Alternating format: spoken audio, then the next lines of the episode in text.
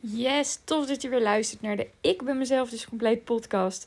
Waarin ik jou wil inspireren, motiveren en tips wil geven om ja, uit die red race te komen. En uit dat, dat geleefd worden in het leven uh, te komen. En je echt vrij mag gaan voelen in jouw leven op jouw voorwaarden. Oftewel, dat jij zelf de touwtjes in handen hebt. En dit is eigenlijk een hele speciale aflevering. Want in deze aflevering um, ja, ga ik samen in gesprek met Nathalie Brendel van uh, Smeren met Brendel. Zo heet haar podcast.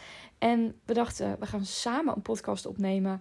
En uh, zij gaat mij vragen stellen, maar ik ga haar ook vragen stellen. Dus we delen samen het komende uur. Hè? En normaal ben ik altijd van de wat kortere podcast, maar we zijn samen een uur in gesprek gegaan over haar verandering, over mijn verandering.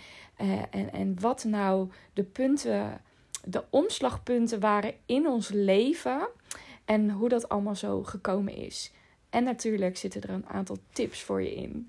Dus ga lekker luisteren. En um, ik ben super benieuwd wat je er natuurlijk van gaat vinden. Dus deel vooral wat het met je gedaan hebt. Vinden we super, super leuk. Ja, we zijn live. We zijn live. Ja, precies. Ik zit hier met Karin Roest. En Karin is een oud medestudentje van het HIN, het Hypnose Instituut Nederland. We hebben samen de hypnoseopleiding gedaan. In ieder geval de 1 en de 2.0. En Karin viel mij gelijk op.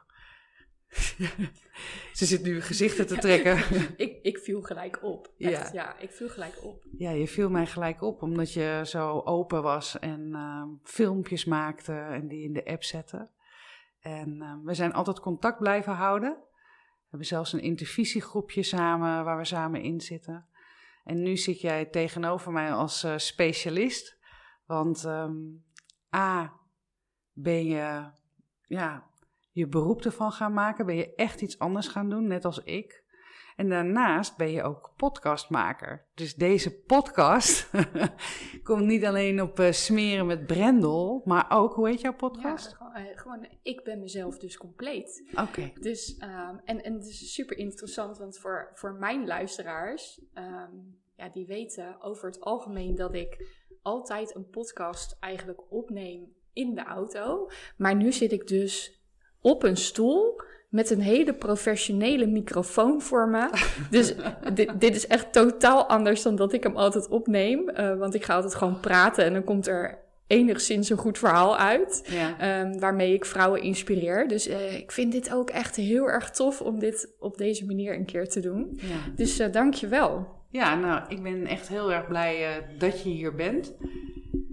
Wat je net al zegt, jij maakt die podcast gewoon Um, in de auto, met je telefoon. En dat is ook wat ik zo enorm in jou bewonder. Dat je ja, in staat bent om zo duidelijk uh, altijd ook te vertellen.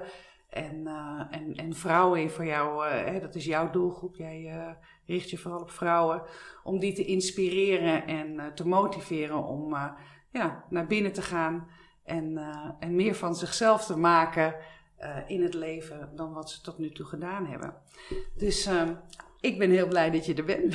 en um, ja, mijn eerste vraag is altijd: uit wat voor een gezin kom je van origine? Waar, uh, waar heeft jouw wieg gestaan en hoe zag jouw gezin eruit toen? Ja. Nou, mijn wieg stond in Rotterdam. Ja. Hoor je niks van? Horen wij helemaal niks van. Nee, precies. Uh, mijn wieg heeft in Rotterdam gestaan.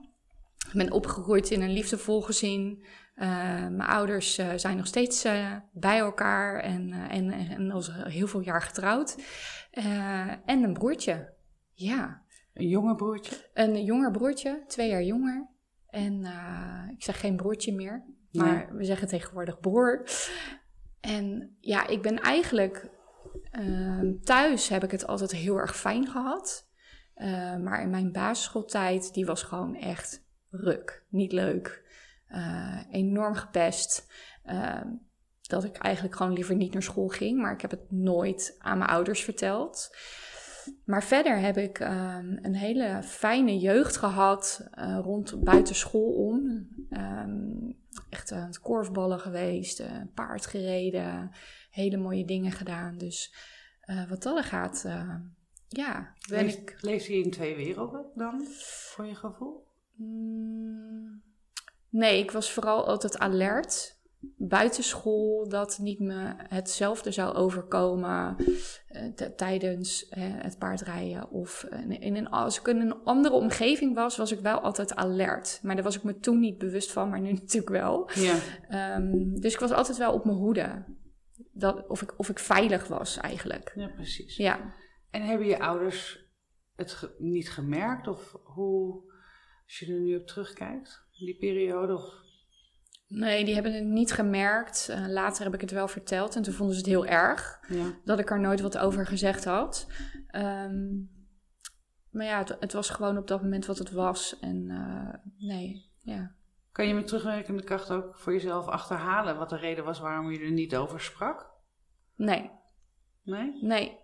Ik denk dat ik niet, het niet groter wilde maken dan dat het al was. En het was echt groot in mijn beleving. Ja. En het was echt verschrikkelijk iedere dag was echt uh, niet fijn.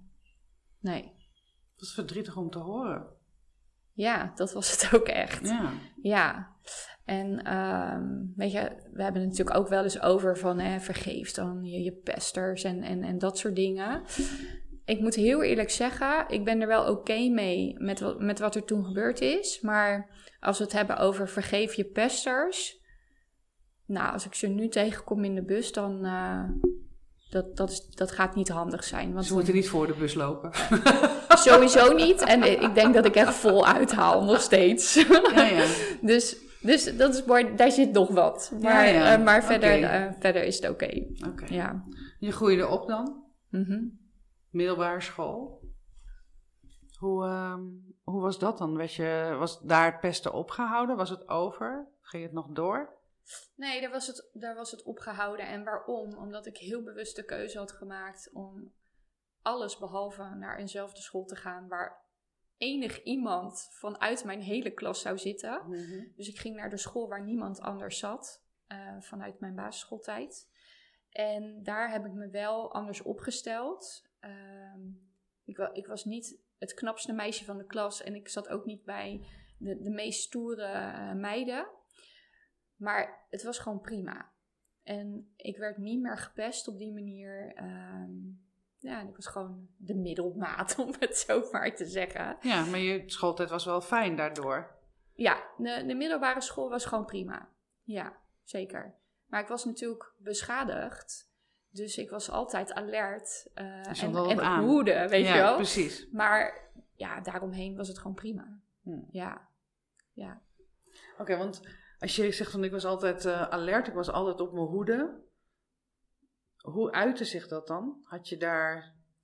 Nou, ik zie mezelf wel letterlijk zo'n soort zo schichtig om me heen kijken van hè, gaat niemand mij wat aandoen, weet je? Of gaat niemand iets tegen mij zeggen uh, wat mij gaat raken? En hoe ga ik daar dan op reageren? En hoe ga ik dan voorkomen dat het niet weer wordt zoals het was op de basisschool? Mm -hmm. Dus daar was ik wel dagelijks mee bezig.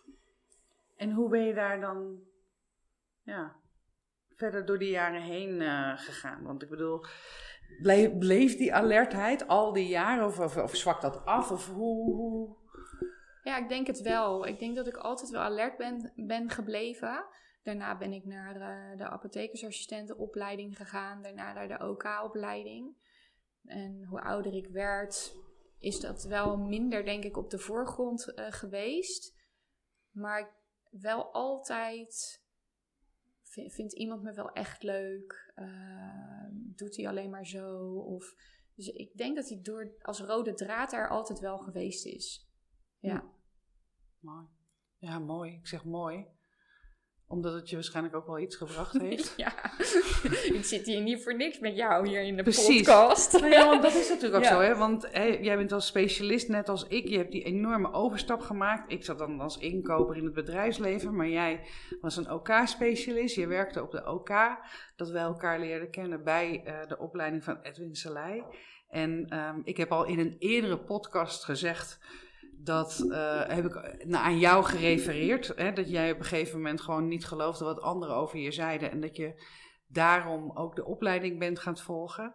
En dat ik dat vanuit een hele andere invalshoek deed, omdat ik gewoon echt nieuwsgierig was naar hypnose, hoe dat dan werkte. En niet zozeer dat ik dacht dat ik dat nodig had om mezelf te fixen. Maar ja, ik wist toen echt nog helemaal niks. ik dacht dat ik gewoon helemaal prima en dat het allemaal helemaal lekker was bij mij. Uh. ja, maar ik vind wel interessant wat je zegt. Want, maar toch ging je, je zegt ik, ik had een bepaalde nieuwsgierigheid. Maar ja. welke nieuwsgierigheid dan precies? Nou ja, ik was met hypnose in aanraking gekomen met afvallen, met de virtuele maagband. En ik was, nou ik, even een schets voor mijn leven op dat moment. Ik was bijna 50. Ik woog bijna 100 kilo. Ik rookte sigaren en e-smokers. Ik dronk elke dag. Ik, had, ik werkte heel veel uren. Ik had heel veel ballen in de lucht te houden. Ik had alimentatieverplichting ook naar mijn ex-man. Uh, ik onderhield um, mijn kinderen. Ik had een eigen bedrijf. Dus er was heel veel. En op een of andere manier merkte ik dat de houdbaarheidsdatum van deze manier van leven, dat die, dat, dat die begon te eindigen. Ik kreeg pijntjes, ik kreeg een tennisarm, ik kreeg ontstekingen in mijn gezicht, in mijn, in mijn holtes, in mijn hoofd die niet overgingen. Ik, ik had eczeem, mijn handen lagen open. En ik had nergens de link gelegd met dat het dus niet goed met me ging. Ik dacht alleen maar, ja, ik moet afvallen. Want dat dacht ik al 25 jaar. Dus ik had ook al 25 jaar diëten gevolgd. En ik was echt van plan om rigoureus wat te gaan doen, omdat ik voelde, ik denk ja, als ik zo 95 moet worden, nog 45 jaar moet, dan wordt het uh, geen feestje. Nee. dan wordt het niet leuk. Nee. Want ik voel nu al dat ik lichamelijk, um, ja, dat, dat, dat de houdbaarheidsdatum opraakt, zeg maar. Ja, dat, dat is wel mooi wat je zegt. Dus jij had ergens vooral last van lichamelijke klachten. klachten en jij zag zo dat, dat pad zo naar dat ouder worden en je dacht, oké, maar dit gaan we niet doen. Dit gaan we niet doen. Nee. Dit, nou, dit, dit, dit kan niet zo doorgaan. Oh, ja. Dat had ik meer. Ik denk, het wordt niet leuk. En ik had een heel leuk leven. Hè. Ik heb een fantastische vent. ben vorige week uh, met hem getrouwd. Uh, uh, ik heb drie mooie kinderen. Dus het leven voor mijn gevoel leefde ik een goed leven. Alleen ik had wat lichamelijke ongemakken. Ja, waar ik vanaf wilde. Nou, dus dat was het eigenlijk. Zo voelde het. En toen kwam ik dus bij uh, hypnose terecht. En toen kreeg ik de virtuele maagband. En ik snapte gewoon niet wat er gebeurd was in mijn hoofd. Ik moet wel vertellen, ik deed alles wat ze zei. Ik denk, hè, de nood was wel hoog. Ik had wel zoiets, er moet wel echt wel wat gebeuren. Dus ik deed alles wat ze zei, ook de meest rare opdrachten, uh, tappen, EFT-techniek. Ja, nu weet je er van alles van, maar toen was het echt gewoon dat ik bij mezelf, wat sta ik hier te doen? Maar ik deed het wel allemaal en ik luisterde naar de, naar de zelfhypnoses. En er was gewoon iets veranderd in mijn hoofd, Karin, en ik snapte niet wat het was. Want ineens dronk ik veel minder, at ik veel minder, begon ik met bewegen. Ik ging me beter voelen. Uh, mijn lichaam veranderde. De pijntjes verdwenen uh, als sneeuw voor de zon.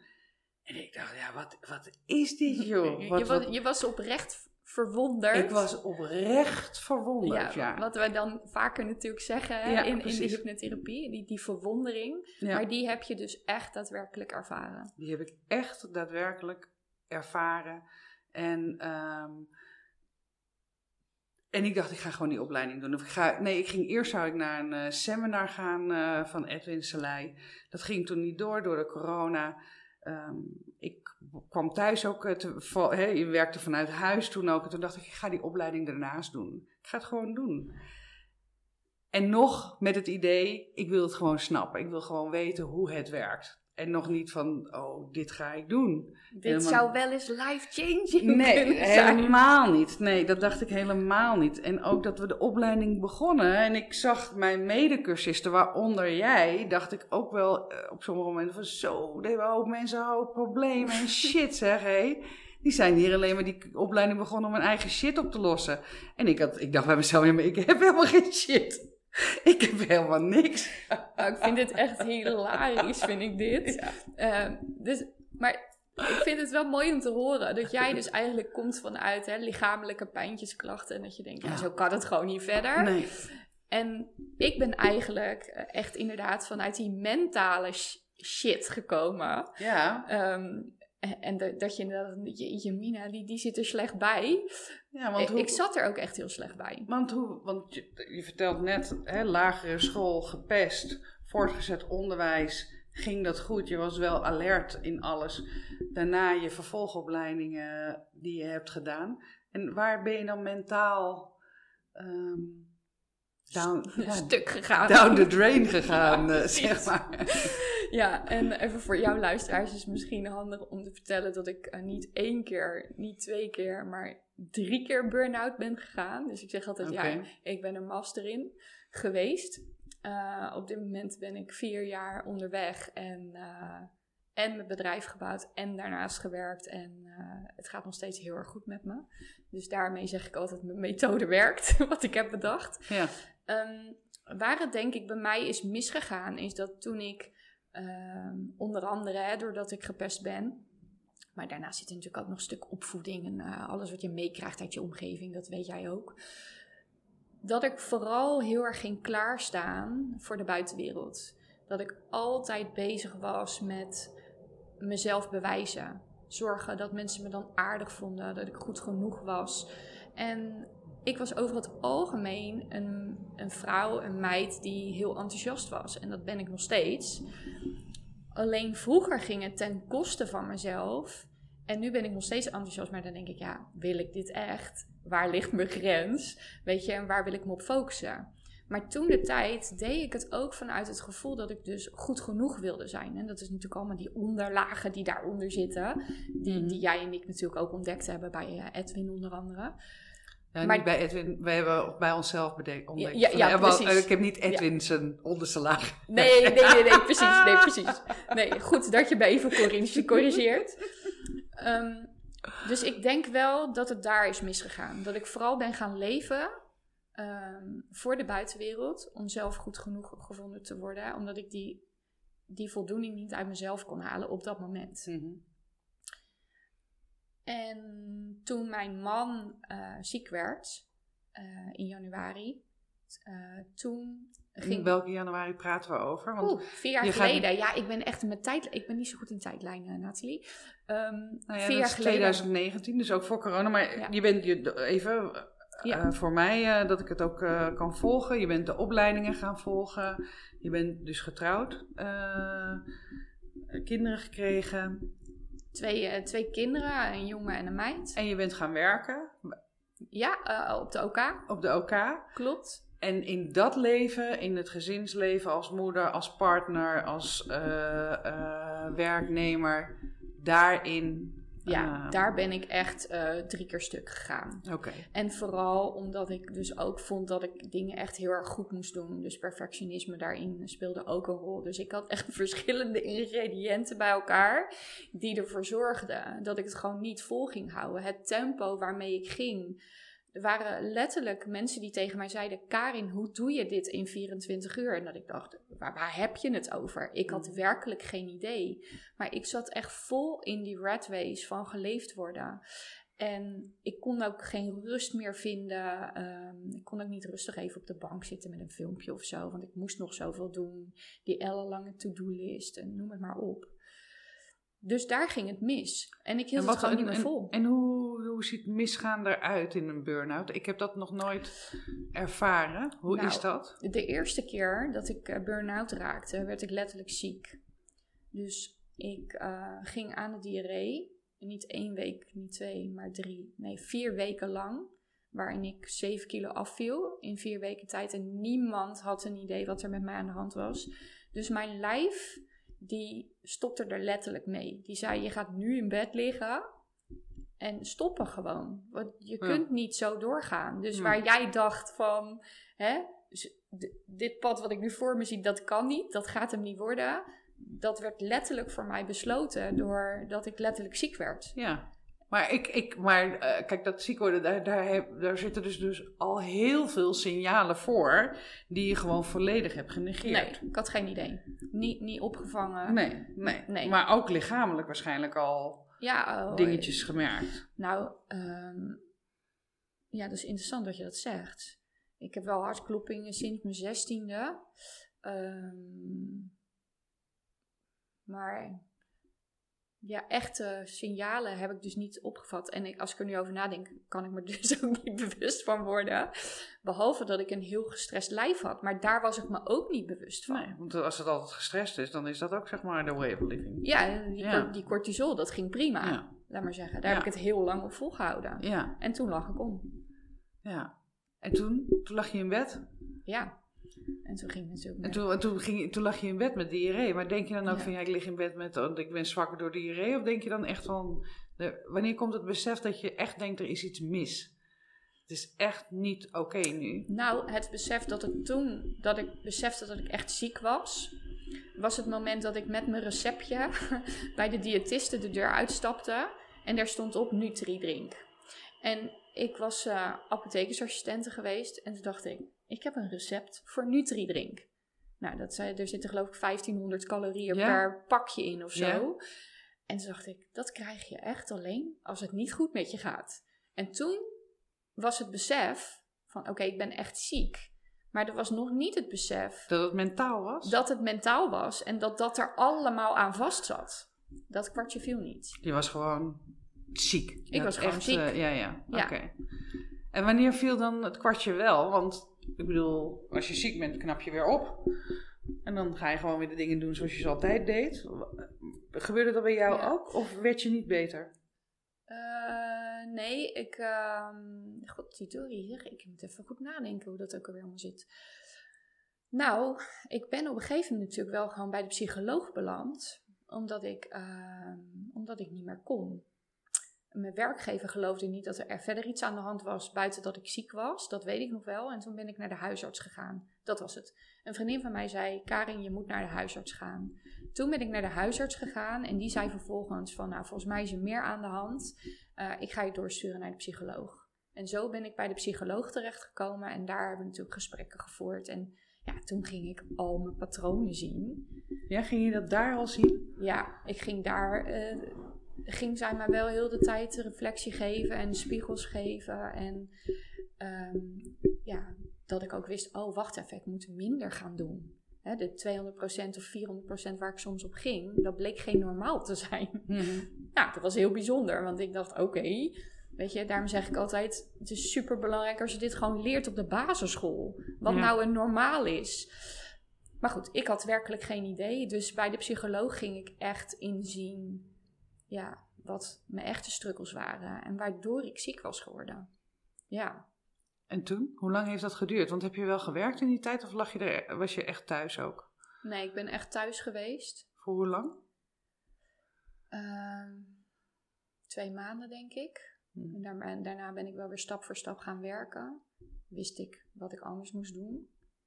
Ehm, psycholoog liep wel langer door. Maar ehm, ja, dat was niet genoeg. Want toen ging Karen naar de tweede burn-out. Ja, hoeveel tijd zat daartussen? Eh, volgens mij heeft er drie jaar tussen gezeten. Oké. En je zal ergens een keer gedacht hebben, dit, maar, dit eens maar nooit weer. En wat gebeurt Ja. er dan eh, met die patronen? Die, Ja. eh, Nou, je weet het wel, maar je valt gewoon weer terug.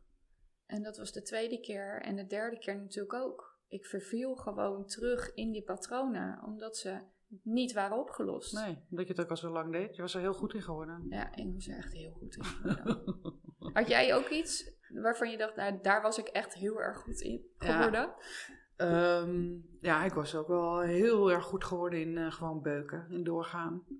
Dat was ik. eh, ik had niet ik had niet in de gaten dat oplossingsgerichte, dat heel snel dingen willen oplossen, dat het dan ook weer van je bordje af is, weet je wel, Mhm. dat ik dat wel fijn vond. Ja, dat, eh, dat waren echt wel eh, patronen waar ik heel erg goed naar heb moeten kijken. En Eh, Heb, je daar een voorbeeld, veel- heb je daar een voorbeeld van? Nou ja, kijk- Waarvan je dacht van nou heb, dan is het snel van mijn bordje om het even praktisch te maken. Ehm, heb ik daar een voorbeeld van? Nou, ehm, ik, ik kon bijvoorbeeld, als ik wakker werd, gelijk eh, gaan werken. Weet je wel, ik ging gelijk aan, ik kon in, eh, wakker worden, nieuws kijken. Dat was het eerste wat ik deed. Er was eerst sowieso altijd de televisie aan. Koffie, nieuws kijken, mijn telefoon, wat had ik gemist, welke mailtjes kon ik alvast wegwerken voordat de dag begon. Dat. Gelijk aanstaan, gelijk vol bezig zijn met alles om je heen buiten, behalve met jezelf. Ja. Ehm, ja, dat was iets waarvan ik, daar heb ik op een gegeven moment echt afscheid van genomen. Dat was iets wat mij enorm geholpen heeft door gewoon de ochtend rustig te beginnen. Ehm, ik sta altijd op om eh, voor mijn eh, lief, dat heb ik ooit, dat we verkering hadden beloofd, hem 's ochtends koffie te brengen. En dat doe ik nu eh, bijna 14 jaar al. Dus ehm, ik ben vroeg op, kwart over zes of zo. Maar dan is het wel tijd voor mij. En Mooi. zonder dat daar ehm, de wereld van buitenaf naar binnen komt in, in nieuws en dergelijke. Dus dat, dat soort dingen heb ik wel opgelost. Maar ik geloof oprecht, hè, als je het hebt over burn-out. Ik had mentaal eh, niet, niet de problemen, voor mijn gevoel niet. Dat was, eh, ik kon dat handelen op een of andere manier. Alleen lichamelijk kon ik het niet handelen. En ik denk dat als ik door was gegaan, dan had ik ook op een, gewoon op een gegeven moment niet meer mijn bed uitgekund. Alleen ik was als zelfstandig ondernemer en ik voelde een enorme verantwoordelijkheid om gewoon te werken, om gewoon te presteren, om gewoon mijn klanten te kunnen bedienen. Dus daarin ging ik ook maar door. Hè. Eh, operaties aan mijn holtes deed ik in de kerstvakantie, zodat ik ja, niks miste van de werktijd. Ja, dat zijn natuurlijk, als ik daar dan op terugkijk, is het natuurlijk gekkenhuis. Het is wel grappig wat je zegt in de zin van dat ik dingen herken, maar dat jij het dus op een ander vlak en op een andere manier last van had, maar Ja. uiteindelijk hadden we er allebei last van. Ja, Zoals dat verantwoordelijkheidsgevoel, dat, dat was bij mij enorm, weet je. Ja. Ik moest een goede collega zijn, ik wilde een goede vriendin zijn, een goede moeder, eh, noem het maar op. Dus alles verantwoordelijkheid. En daarnaast was het ook, als ik opstond, stond ik ook direct aan. En dan dacht ik, oh, dan doe ik gelijk even de strijk. Dan maak ik alvast dat boodschappenlijstje. Weet je, en dan kan ik daarna eh, de, de kinderen naar school brengen. En dan op de terugweg kan ik dan alvast de boodschappen halen. Weet je, Ja. dus ik herken echt ook dingen die jij zegt. ehm, waarvan ik denk, oh mooi, weet je. Dat, Ja. dat het dus ook vanuit verschillende hoeken kan komen. absoluut, absoluut. Maar tegelijkertijd zijn er dus wel overeenkomsten. ja, Heel tof. heel, ja. En, en kijk, het maar doorgaan. ehm, nou, je zei het net al, het komt allemaal ergens vandaan van ja, ben ik wel goed genoeg hè, zoals ik ben. Daar, de, de- dat is uiteindelijk eh, de core waar, het, waar, waar je het naar terug kan herleiden. Dus ook de bewijsdrang dat je er bent. En dat was voor mij echt heel erg belangrijk. Dat ik gezien werd, dat ik mijn eigen broek op kon houden, dat ik niemand verantwoordelijk was, zeg maar ook op financieel vlak, dat er wat er ook zou gebeuren omheen, dat ik altijd mijn kont zou kunnen redden. Dat waren voor mij het alleen doen, altijd alles maar alleen doen, geen hulp vragen. Weet je, waarom Nee. zou je? Ja, kan Weet je prima alleen toch? Ja, Ik kan alles eh, prima alleen. Ehm, terwijl terwijl eh, ik nu weet dat we al één zijn. Hè? We zijn al één. Ehm, dus ja, daar, daar, daar zat ik echt ook heel erg mee. Alleen ik heb nooit dat als een burn-out-achtig iets bestempeld. Terwijl als ik er nu op terugkijk, denk ik, ja, als ik door was gegaan, dan had ik er ook op een gegeven moment gewoon helemaal afgelegen. Ja. Dat was niet, eh, dat was niet anders geweest dan bij jou. Nou, de tweede keer dat ik burn-out ging, dat was een andere ervaring. Toen stond ik letterlijk, we hadden herfstvakantie gehad, we waren een weekje naar Mallorca geweest. En ik dacht, nou ja, daarna gaat het dan wel weer. en ik vergeet nooit meer dat ik op het metrostation stond en dat ik gewoon niet meer links kon, niet meer rechts kon. Ik kon gewoon niet meer. Ja. Ik stond echt een soort verstijfd daar op dat perron. En ik dacht, ik kan niet naar mijn werk, ik kan niet naar huis. En toen heb ik mijn man gebeld. En dat was een hele rare gewaarwording. Dat zeggen, dat is ook bizar. Dat je denkt van, ik kan niet meer. En, en dat was echt heel bizar. Dus dat was de tweede keer dat ik ehm, niet meer kon. en dan zou je denken, nou, dan heb je het wel geleerd, hè? Ja. Maar goed, nu weet ik met mijn bewuste verstand dat het op een ander vlak zat. Dat, dat die patronen ergens anders zaten waar ik ze te doorbreken had. Weet je wat ik dan wel schokkend vind? Mhm. Dat jij door drie burn-out moet, dat jij daar ook eh, professionele hulp krijgt. En dat ook na drie burn-outs het gewoon niet opgelost is. Nee. En, en nu snap ik wel waarom. Want anders had ik hier niet met jou in de podcast gezeten. Hè? Weet je, dan had ik ook niet nu mijn eigen bedrijf gehad met, met, met de dingen, hè? de tackle je patroonmethode, het doorbreken van die patronen. En dan blijvend veranderen. Dus nu snap ik het wel. Maar nog steeds vind ik het vooral interessant dat we dus met elkaar. Want, want stel je voor dat je eh, naar een nagelstiliste zou gaan en die doet jou iedere keer pijn. Dan zeg je na drie keer, joh, hè, het was gezellig. Ik ga even op zoek naar een andere styliste, eh nagelstyliste. Maar op het moment dat we dus vanuit de reguliere zorg naar een psycholoog gaan, en het is na de eerste keer niet opgelost en na de tweede keer ook niet opgelost, terwijl je dan inmiddels al ongeveer 30 sessies achter de rug hebt, dan gaan we nog steeds naar die psycholoog Ja. omdat het zo hoort. Omdat we zo in het systeem meegaan en niet denken van, goh, interessant. hè? Ja. En ik bedoel, ik heb het ook drie keer gedaan, omdat ik toen ook nog helemaal vast zat in dat systeem.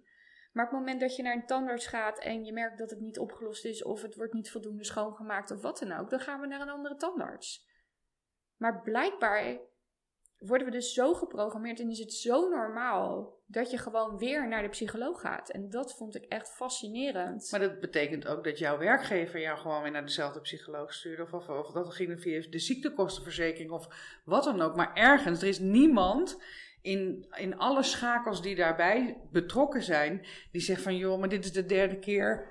eh, eh, wordt het niet eens tijd voor wat anders? Eh, nee, behalve dan dat de derde psycholoog er gewoon nog iets bij bedacht. Ja, precies. Want dan komen we Ja, op het moment precies. waar ik gewoon, dat jij in jouw podcast daarover vertelt.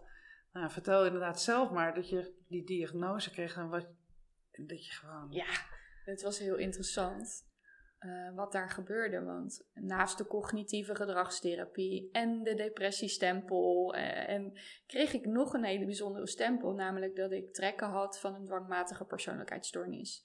En het heeft heel lang geduurd voordat ik dat durfde uit te spreken. En nu als ik hem uitspreek vind ik het nog steeds spannend, merk ik. En toen dacht ik, huh? En de eerste gedachte eigenlijk die ik had, ik schrok ervan. Ik krijg nu ook gewoon weer zweethanden eigenlijk, wat ik Oh, toen ja? ook had. Maar dat ik dacht, oké, hè, je kan alles over mij zeggen, maar niet dat ik trekken heb van een dwangmatige persoonlijkheidsstoornis. En ik kreeg het advies om dan drie jaar in de diepgaande GGZ therapie te krijgen en dan kwam ik er misschien van af. Dat was wat hij tegen mij zei. En toen ben ik op mijn fiets gestapt naar huis. En toen heb ik echt het besluit genomen om het niet te geloven. En toen heb ik eh, de therapie stopgezet voor twee maanden. Eh, ook omdat mijn man toen de tijd dus ziek was. En ik dacht van nou, ik ga me eerst daarop focussen. En dan, toen dacht ik, ik ga eerst kijken of er niet iets anders is wat mij kan gaan helpen. Want ik ga dit echt niet doen. Nee, Nee, gewoon niet. maar je geloofde het. En dat vond ik zo mooi dat je dat zei, van dat hè, we geloven zo snel wat andere mensen zeggen. Eh, daar, zijn we, daar zijn we goed in. Maar dat, je, dat het voor jou echt het moment was dat je bij jezelf dacht van ja, hier ga ik, dit geloof ik gewoon niet. Ik, ik ga hier niet in mee. Nee, Dit, is, eh, dit ben ik niet. nee. En dit was, weet je, dus nu kan ik hem zelfs dankbaar zijn Ja, dat hij dat heeft gezegd. Want als hij het niet had gezegd, dan was ik misschien wel niet wakker geworden. En dan had ik hem misschien nog een keer nodig gehad. Maar achteraf gezien zei hij iets wat mij zo enorm triggerde, waardoor ik dacht, maar oh no, no go. gewoon niet. Nee. Dit is gewoon niet waar. Weet je, waardoor ik wel op een ander pad ben gekomen. Ja, want je bent de hypnoseopleiding toen gaan doen. Hetzelfde jaar als ik, 2020. De het eerste jaar. Hoe was dat voor jou? Ja, ik vond het mega interessant. Echt, toen, toen ik erachter kwam dat 95% van wat we doen, dat dat onbewust is. En dat daar je patronen liggen opgeslagen. En dat ik dacht, oké, nu heb ik hoeveel jaar therapie gehad hier zo? Er is niemand die me dit ooit verteld heeft. Wat gaat er mis? Ik geloof echt als mensen dat beter gaan begrijpen, Ja. dat je het veel beter ook anders kan gaan doen voor jezelf. En als je ook veel beter gaat begrijpen hoe dat brein daar dan ook nog eens op aanhaakt Ja, en wat dat snapt. met je doet. Ja. Als je het echt gaat snappen, Ja. dan is alles mogelijk, wat ik altijd zeg. Dus ja, voor mij was het mind-blowing wat we daar geleerd hebben. En elke keer ehm, pakte ik weer een laagje aan voor mezelf en, en, en doorbrak ik dat. En dat heeft echt mijn leven veranderd. Ja? Ja, Het eerste jaar al? ja. Waar merkte je dat aan? Wat deed het voor je in je dagelijks leven? Wat zag je voor een verschillen? Wat voelde je vooral voor een verschillen voor jezelf? Nou, ik wilde er nog wel iets aan toevoegen, want het is een combinatie geweest van de opleiding bij Edwin Selei en eh, de cursus die ik heb gevolgd bij Astrid Davidson. Want daar kwam ik vlak nadat ik dus bij die psycholoog had gezegd, nou hè, mij niet meer bellen. eh, kwam ik met haar cursus in aanraking en daar ben ik heel intensief aan de slag gegaan met NLP en hypnose. En vervolgens ging ik de hypnoseopleiding ook nog eens doen. Dus de vragen en de cursus waarmee ik toen aan de slag ben geweest, dat, dat, ging, dat ging echt al heel veel doen aan inzichten en dergelijke. En ik, toen ik vervolgens bij Edwin kwam en ik daar met hetgeen wat ik was gaan zien over mezelf en ging begrijpen, ging ik daar vervolgens ook nog eens oplossen. Dus ja, het was voor mij een soort kers op de taart, waarbij ik echt daadwerkelijk die patronen op onbewust niveau kon gaan doorbreken. En Ja. echt de verandering ook plaatsvond. Waar ik vroeg daarvoor ging terugvallen. Maar het nu werd opgelost. En toen dacht ik, dit moet heel de wereld weten. Ja, dat gevoel, dat heb ik ook. Dat heb ik ook. Ja, ik- waar heb jij dat dan op? Dat de Nou. hele wereld het moet weten. Nou, ik weet dat ik eh, tijdens het eerste jaar. ik was. ehm, nou ja, met, met. Ik was al verwonderd geraakt. En toen hadden we op een gegeven moment hadden we een lesblok en dat ging over allergieën. En eh, ik dacht, jezus, een lesblok allergieën, wat eh, kan dat nou ehm, ja, inhouden, dacht ik. En ehm, die dag, ik heb zelf, had heel erg eczeem en ik kon echt geen zeep of wat dan ook verdragen. En ik heb toen tijdens de sessie die bij mij gedaan werd, heb ik gewoon eh, wasmiddel op mijn hand en eh, lopen wrijven. En er gebeurde helemaal niets. En we zaten in een appgroep met elkaar en daarna kwamen de foto's door van mensen die ehm, allergie hadden voor katten. Die gewoon met een aaiende kat, eh, een, een kat eh, aan het aaien waren op een foto. Of mensen die een allergie hadden voor sulfaat, die gewoon een glas wijn aan het drinken waren. En toen dacht ik van, nou, dit, dit, is, bizar, dit is beyond, dit is bizar. Dit, eh, dit, dit geloof je gewoon bijna niet. En het is een techniek. En het is te leren. En iedereen kan het doen. En je kan het bij iedereen toepassen. En ik dacht, ja, dit moet de hele wereld weten. Ja, Dat dacht ik ook. ja, Ik dacht Ja. precies hetzelfde als jij. ja. En eh, je, je vroeg me net eh, van wat heeft het daarna veranderd voor je in het dagelijks leven? Nou, het heeft vooral veranderd dat ik los ben gekomen van de buitenwereld. Dus dat ik niet meer dat hoef te doen wat zogenaamd de buitenwereld van mij verwacht. En waar ik mijn eigen verhalen over had gemaakt. Van eh, ik moet voor die ander klaarstaan. Weet je, continu maar kiezen voor de ander in plaats van voor mezelf en waar ik blij van werd. Dus ja, ik kan wel zeggen dat ik letterlijk ben losgekomen daarvan. En mijn eigen keuzes ben gaan maken. Op een lager tempo aan het werk ben gegaan. Ehm, ik daardoor minder stress kreeg. ehm, me ook niets meer ging aantrekken van wat andere mensen van mij vonden. Of dat je dacht, nou, eh, ik durf geen nee te zeggen voor die verjaardag zonder schuldgevoel. Weet je, dat ging ik allemaal stap voor stap oplossen. En Mm. voordat mensen denken, nou, dat klinkt wel heel simpel. Hè? Vanochtend zei iemand in mijn groepscoaching nog van, nou, dit klinkt wel heel simpel, Karin. Ja. Ja. En het is geen quick fix, maar het is werken doen, iedere dag je werk doen en focus houden. Nou, zoals Edwin zegt, het is wel simpel, maar het is niet makkelijk. Precies. Dat is wat het is. Ja, maar En- wel mogelijk. Ja, zeker. Het is absoluut, nee, het is absoluut mogelijk. Ja. Maar het is simpel, maar het is niet makkelijk. Nee. En wat mij enorm helpt, ehm, is dat ik eh, kan dissociëren, dat ik kan uitzoomen. En dat maakt dat ik overzicht heb, dat ik naar mezelf ook vooral kan kijken van hé, hey, wat gebeurt er nou? Maar daarnaast ook het naar binnen gaan. Ik had dat nog nooit gedaan. Ik kom nu met mensen in aanraking, want ik ben, dit is allemaal technisch, maar ik ben ook ehm, heel veel andere technieken gaan uitproberen. Gewoon om te helen voor mezelf. Van paardencoaching naar een zweethut, naar psychedelia tot aan ademsessies, eh, familieopstellingen, noem maar op. Echt een breed scala aan, eh, aan alternatieve therapievormen. En dat is ook de reden waarom ik deze podcast ben begonnen. Omdat ik het tof vind om specialisten zoals jij en ik aan het woord te laten. Die zo bekeisterd zijn van, van wat ze aan het doen zijn. Wat ze geleerd hebben. Dat ze er voor hun beroep van, eh, van maken. Ehm, maar wat ik daar dus vooral zo tof aan vind. Is dat alles bijdraagt aan naar binnen gaan, naar jezelf kijken. Proberen zelfliefde ook vooral voor jezelf te voelen. Dat is iets wat, dat, wat ik ook onwijs moeilijk vond. Om echt als eerste voor mezelf te houden. Om me daar ook bewust van te zijn. Van de dingen, hè, als ik iets deed waarvan ik dacht van dat is niet handig. Dat ik dan daar toch met compassie naar kon kijken. Terwijl ja, ik ook mezelf eh, intern zo vaak uh, voor mijn kop stoten. En dat ik uh, dingen tegen mezelf zei die ik nooit tegen mijn beste vriendin zou zeggen. Weet je wel zo. Dat je niet liefdevol naar jezelf bent. Niet liefdevol naar je hoofd, naar je mentale staat. Niet liefdevol naar je lichaam. Ja, dat zijn echt wel substantiële veranderingen die ik gemaakt heb. Die, die ik de afgelopen jaren door alles wat ik heb gedaan, niet alleen hypnose.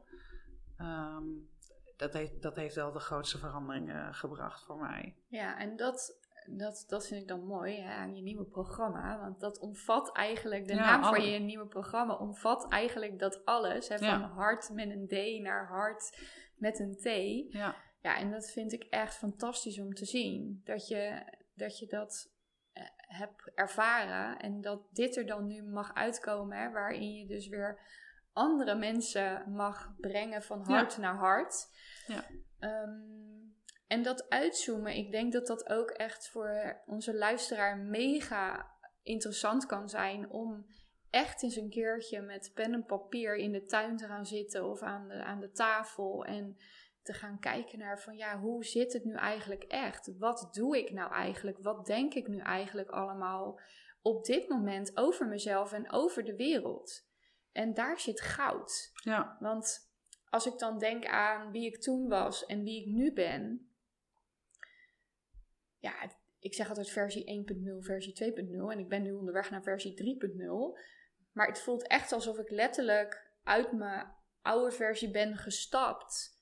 En echt een nieuw leven ben begonnen waarin ik me gewoon veel vrijer, blijer en fijner voel. Weet je, en Ja. dat is echt wat ik uit mijn tenen iedereen gun. Dus als je deze podcast luistert, wil ik je echt het advies geven om nu op pauze te zetten. Weet je, en pak pen en papier en ga serieus kijken naar. niet als je in de auto zit, hè? Ja, oh ja, oh ja, niet als je in de auto zit, heel goed, eh, Nathalie. Maar ga echt serieus kijken naar op het moment dat je gewoon ervaart dingen in je leven waarvan je denkt, "Hè, dat vind ik niet fijn, of dat loopt niet lekker, of hier word ik eigenlijk niet echt gelukkig van in mijn leven. Ga er naar kijken. Ja. Weet je, geef me één reden om het niet te doen. Nou, er zit de, de- de angst. Eh, het niet weten, dat zit er vaak eh, onder. Eh, het bewust onbekwaam zijn. Hè, dat is uiteindelijk waar je, je begint onbewust onbekwaam. Uiteindelijk word je bewust onbekwaam. Het zou mooi zijn als je naar bewust bekwaam gaat en naar, ook vooral naar onbewust bekwaam. Ehm, dat zijn de stappen. Maar het feit dat je bewust wordt, Mhm. het bewustzijn is echt het allergrootste goed. En volgens mij 80% van de wereld raast maar door en leeft in de waan van de dag. En juist het reflecteren, het uitzoomen, het bewustzijn van de dingen die je doet zonder dat je daar waardeoordeel aan hangt. Want dat vind ik echt zo belangrijk. Wat ik net al zei, ik was in staat om mezelf drie hoeken eh, te geven als ik weer eens wat gedaan had of niet had gedaan, weet je wel, van oh kijk mij nou stom, dit en dat of dik of wat. Het maakt niet uit, maar met compassie te leren kijken naar de dingen die je doet. En te kijken van ja, misschien kan ik dat beter anders doen, voel ik me daar beter bij, fijner bij. Ehm, dat is uiteindelijk, ja, denk ik, waar, waar, waar zelfontwikkeling om gaat. Ja, zeker. En van de week eh, hoorde ik ook inderdaad iemand zeggen die zei van ja, 80% van de bevolking wordt nooit bewust. Nee, Weet je, dus als jij überhaupt deze podcast al luistert, ja, dat is al je, super. Dat is al een enorme bewustwording. ja, dan ben je al super goed bezig. En Ja. ik zie het echt als een cadeautje dat ik deze reis mag maken op aarde. Ja, En dat ik nu ook daadwerkelijk met mijn werk daarin anderen mag inspireren. Want ik, ik heb natuurlijk ergens die switch gemaakt. Van eh, OK-wereld naar eh, mijn eigen bedrijf. En mijn, mijn eigen bedrijf is eigenlijk ontstaan toen ik niet wist dat die al ontstaan was. Heel het was er al. Het was er al. Het Ja, is al gebeurd. het, het is al gebeurd, ja, precies. Het, het was namelijk een moment dat ik, eh, ik ging sporten en ik was echt down the drain. Ik, het- ik lag eraf op dat moment. En ik dacht, iedereen deelt alleen maar ehm, dat ze zich goed voelen. Dat leuke plaatje op Instagram en Facebook en dergelijke. En ik dacht, weet je wat? Ik ga gewoon mijn reis delen hoe ik me goed ga voelen in mijn leven. En wat ik eigenlijk deed, was mezelf natuurlijk een directe suggestie geven. Van je gaat jezelf gewoon goed voelen in je leven. En toen ehm, zei ik van ja, ik ben mezelf dus compleet. En dat was dus letterlijk eigenlijk al mijn bedrijfsnaam, waarvan ik niet wist dat het mijn bedrijfsnaam zou zijn. Mhm. Toen heb ik een video opgenomen, Nathalie. Daar in de natuur. Het geluid achteraf ging dus harder, zachter. Het was echt verschrikkelijk. Ik zei in die video: Ik weet niet wat ik met je ga delen. Ik weet niet hoe het eruit gaat zien. Ik heb nog geen idee wat ik ga doen. Maar ik ga je wel laten zien hoe ik mezelf goed ga voelen in mijn leven. En dat was de allereerste video die ik opnam in een besloten Facebookgroep. Lekker veilig, met familie en vrienden. En Nou, het- ik vind het al echt een mega stap hoor. Want dat is wel wat ik tegen je zei, wat ik zo in jou bewonder. Dat je zonder dat je weet precies waar je naartoe gaat. Ja, je hebt wel voor jezelf in je hoofd een beetje de contouren, maar je gaat gewoon. En, en je bent daar zo open en eerlijk over. Ik, heb dat, ja, ik vind het heel bewonderenswaardig. ja, dankjewel. Alsjeblieft. En, ehm, eh, ja, en toen was eigenlijk mijn bedrijf al ontstaan. Ja. Toen ben ik natuurlijk mijn hele pad gaan delen. En uiteindelijk werd het een open Facebookgroep. En eh, toen ging ik op Instagram en al dat soort dingen. Maar de, de stap van OK naar eigen bedrijf, dat, dat kwam eigenlijk doordat ik ging zien. En mi- misschien zijn er luisteraars die dit niet zo leuk vinden. En dat is oké. maar mijn visie ten aanzien van de reguliere zorg ging veranderen. We zijn eigenlijk alleen maar pleisters aan het plakken. Ja, Mensen- blussen. Ja, mensen die zijn ziek aan het worden omdat ze niet in balans leven en niet in verbinding staan met zichzelf. Ja, precies. En dan gaan we, en, en dan worden we ziek, hè, want ik werd letterlijk zelf ook ziek. En dan gaan we het daar de mensen weer oplappen en vervolgens zijn ze opgelapt en gaan ze weer doen wat ze altijd deden. precies. En dan maar- krijg je weer wat je kreeg. Maar 80% van de ziektes zijn welvaartsziektes. Hè? Dus 80% is niet, het is niet organisch, maar is welvaartsziektes. Dus wat we zelf ons lichaam aandoen.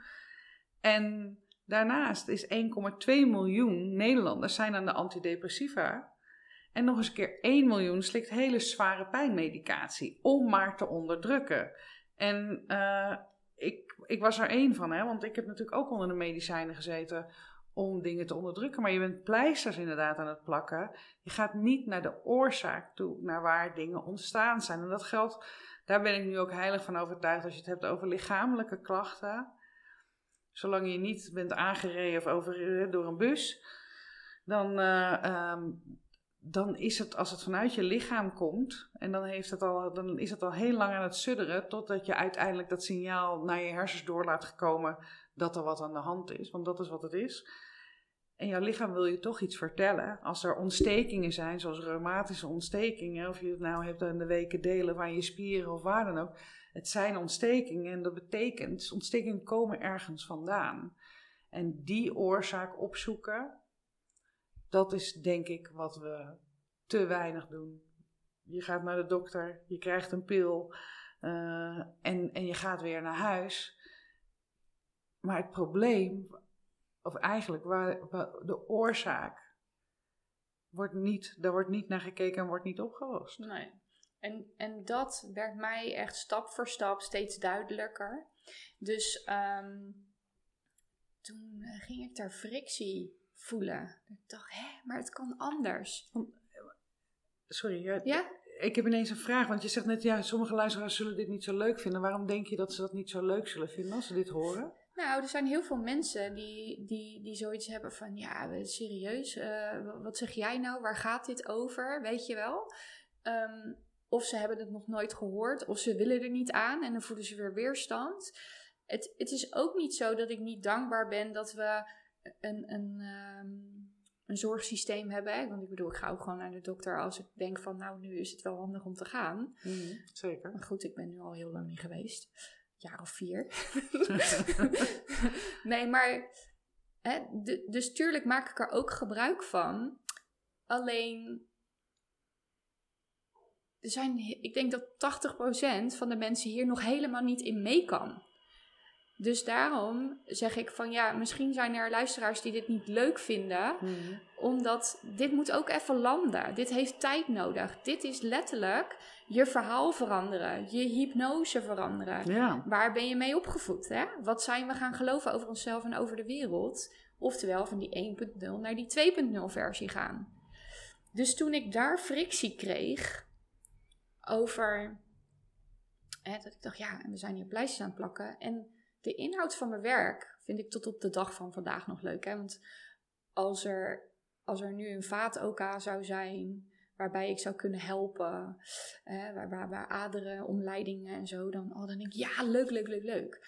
Alleen het verplicht om half acht op moeten staan, er tot half vijf moeten zijn, of uh, om zes uur opstaan, half acht beginnen, vijf uur weer klaar zijn.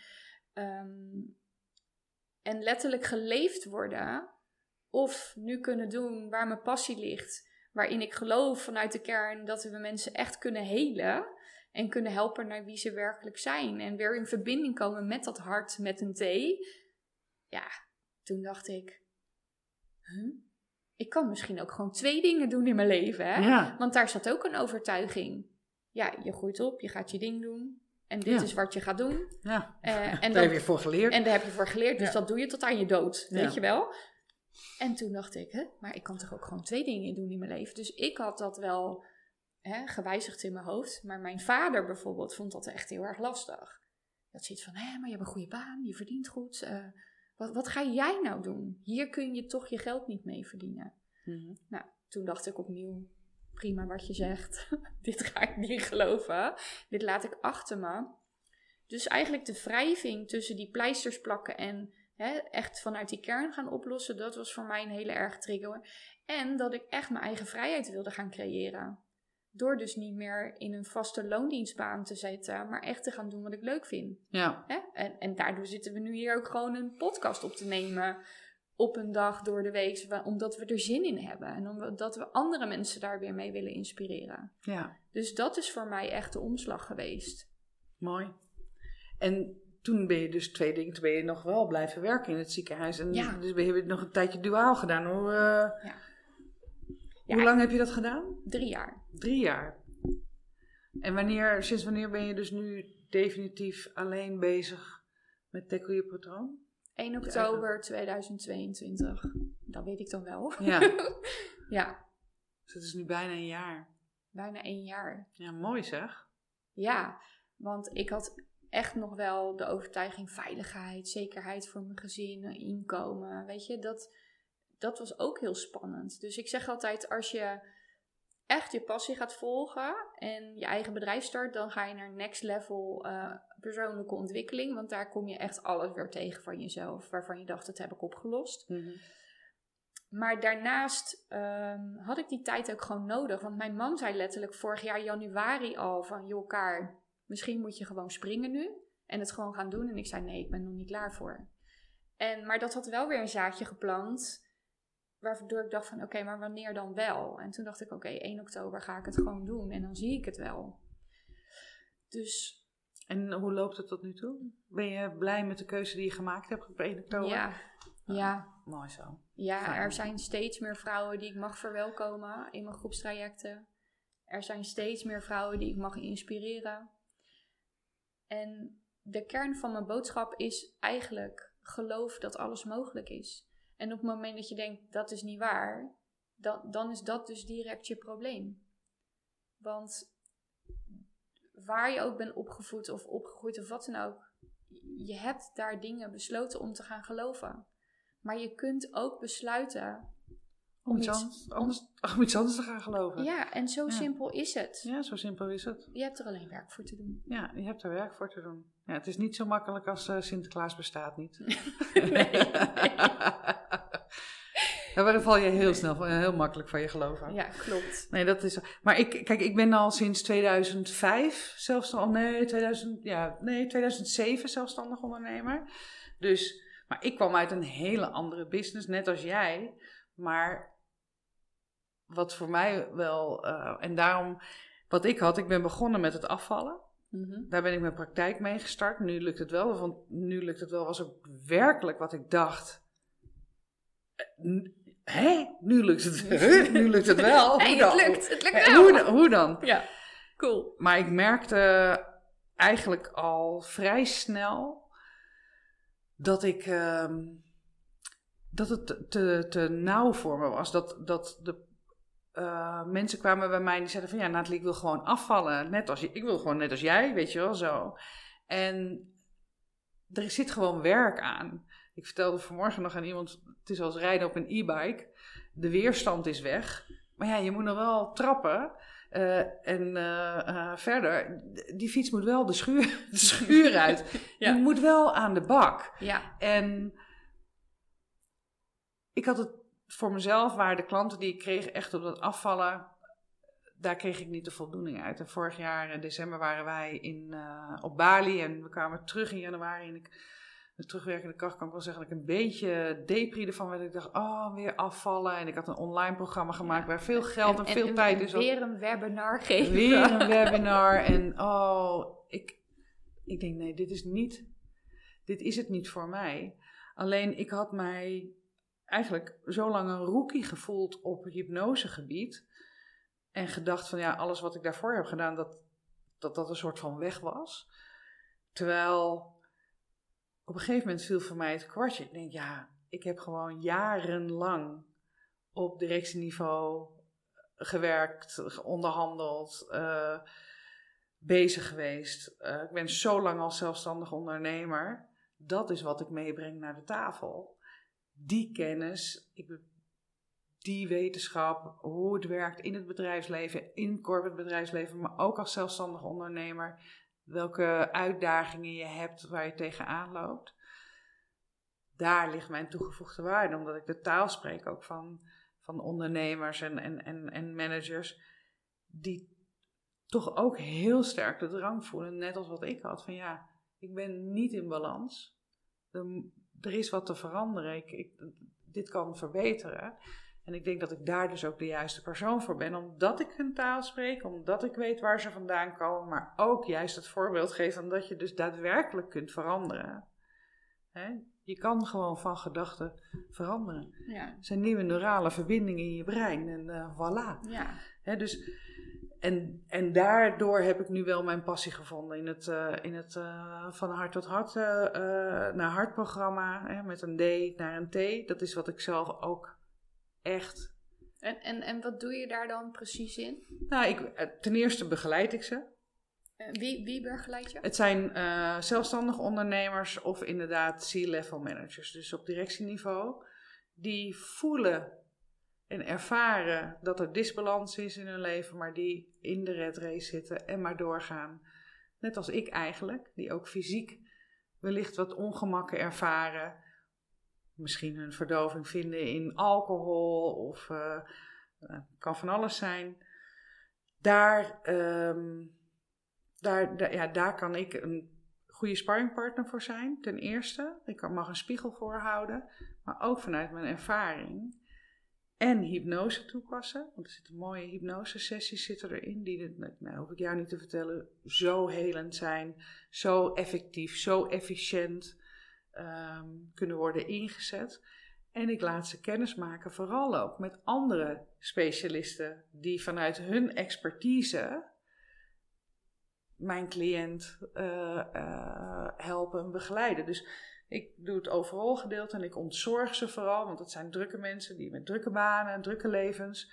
Zij hoeven zich alleen maar bezig te houden met hun proces en met hun groeiproces. En ik regel zeg maar alles eromheen. Dus we kijken met elkaar van, goh, hoe kunnen we het programma indelen? Het is een half jaar programma. Misschien is een ademcoach goed voor jou om heen te gaan. Of misschien eh, eh, is een, een, een psychedelia-sessie een goede om voor jou omheen te gaan. Dat ik meega als begeleider. Dat, dat, dat zijn allemaal dingen die mogelijk zijn. Maar het is dus- heel telemeet. Dus als ik het goed begrijp, dan, dan neem je ze echt een soort een half jaar mee onder je arm en zegt van, hè, weet je, we gaan kijken wat jij nodig hebt om weer in die balans te komen voor jezelf. Ja, nou ja, wat ik, wat ik eh, eh, zeg is dat zij op reis gaan en ik ben hun reisleider. Ja, dus ik, ik loop een half jaar loop ik met ze mee. Ze kunnen altijd op me terugvallen.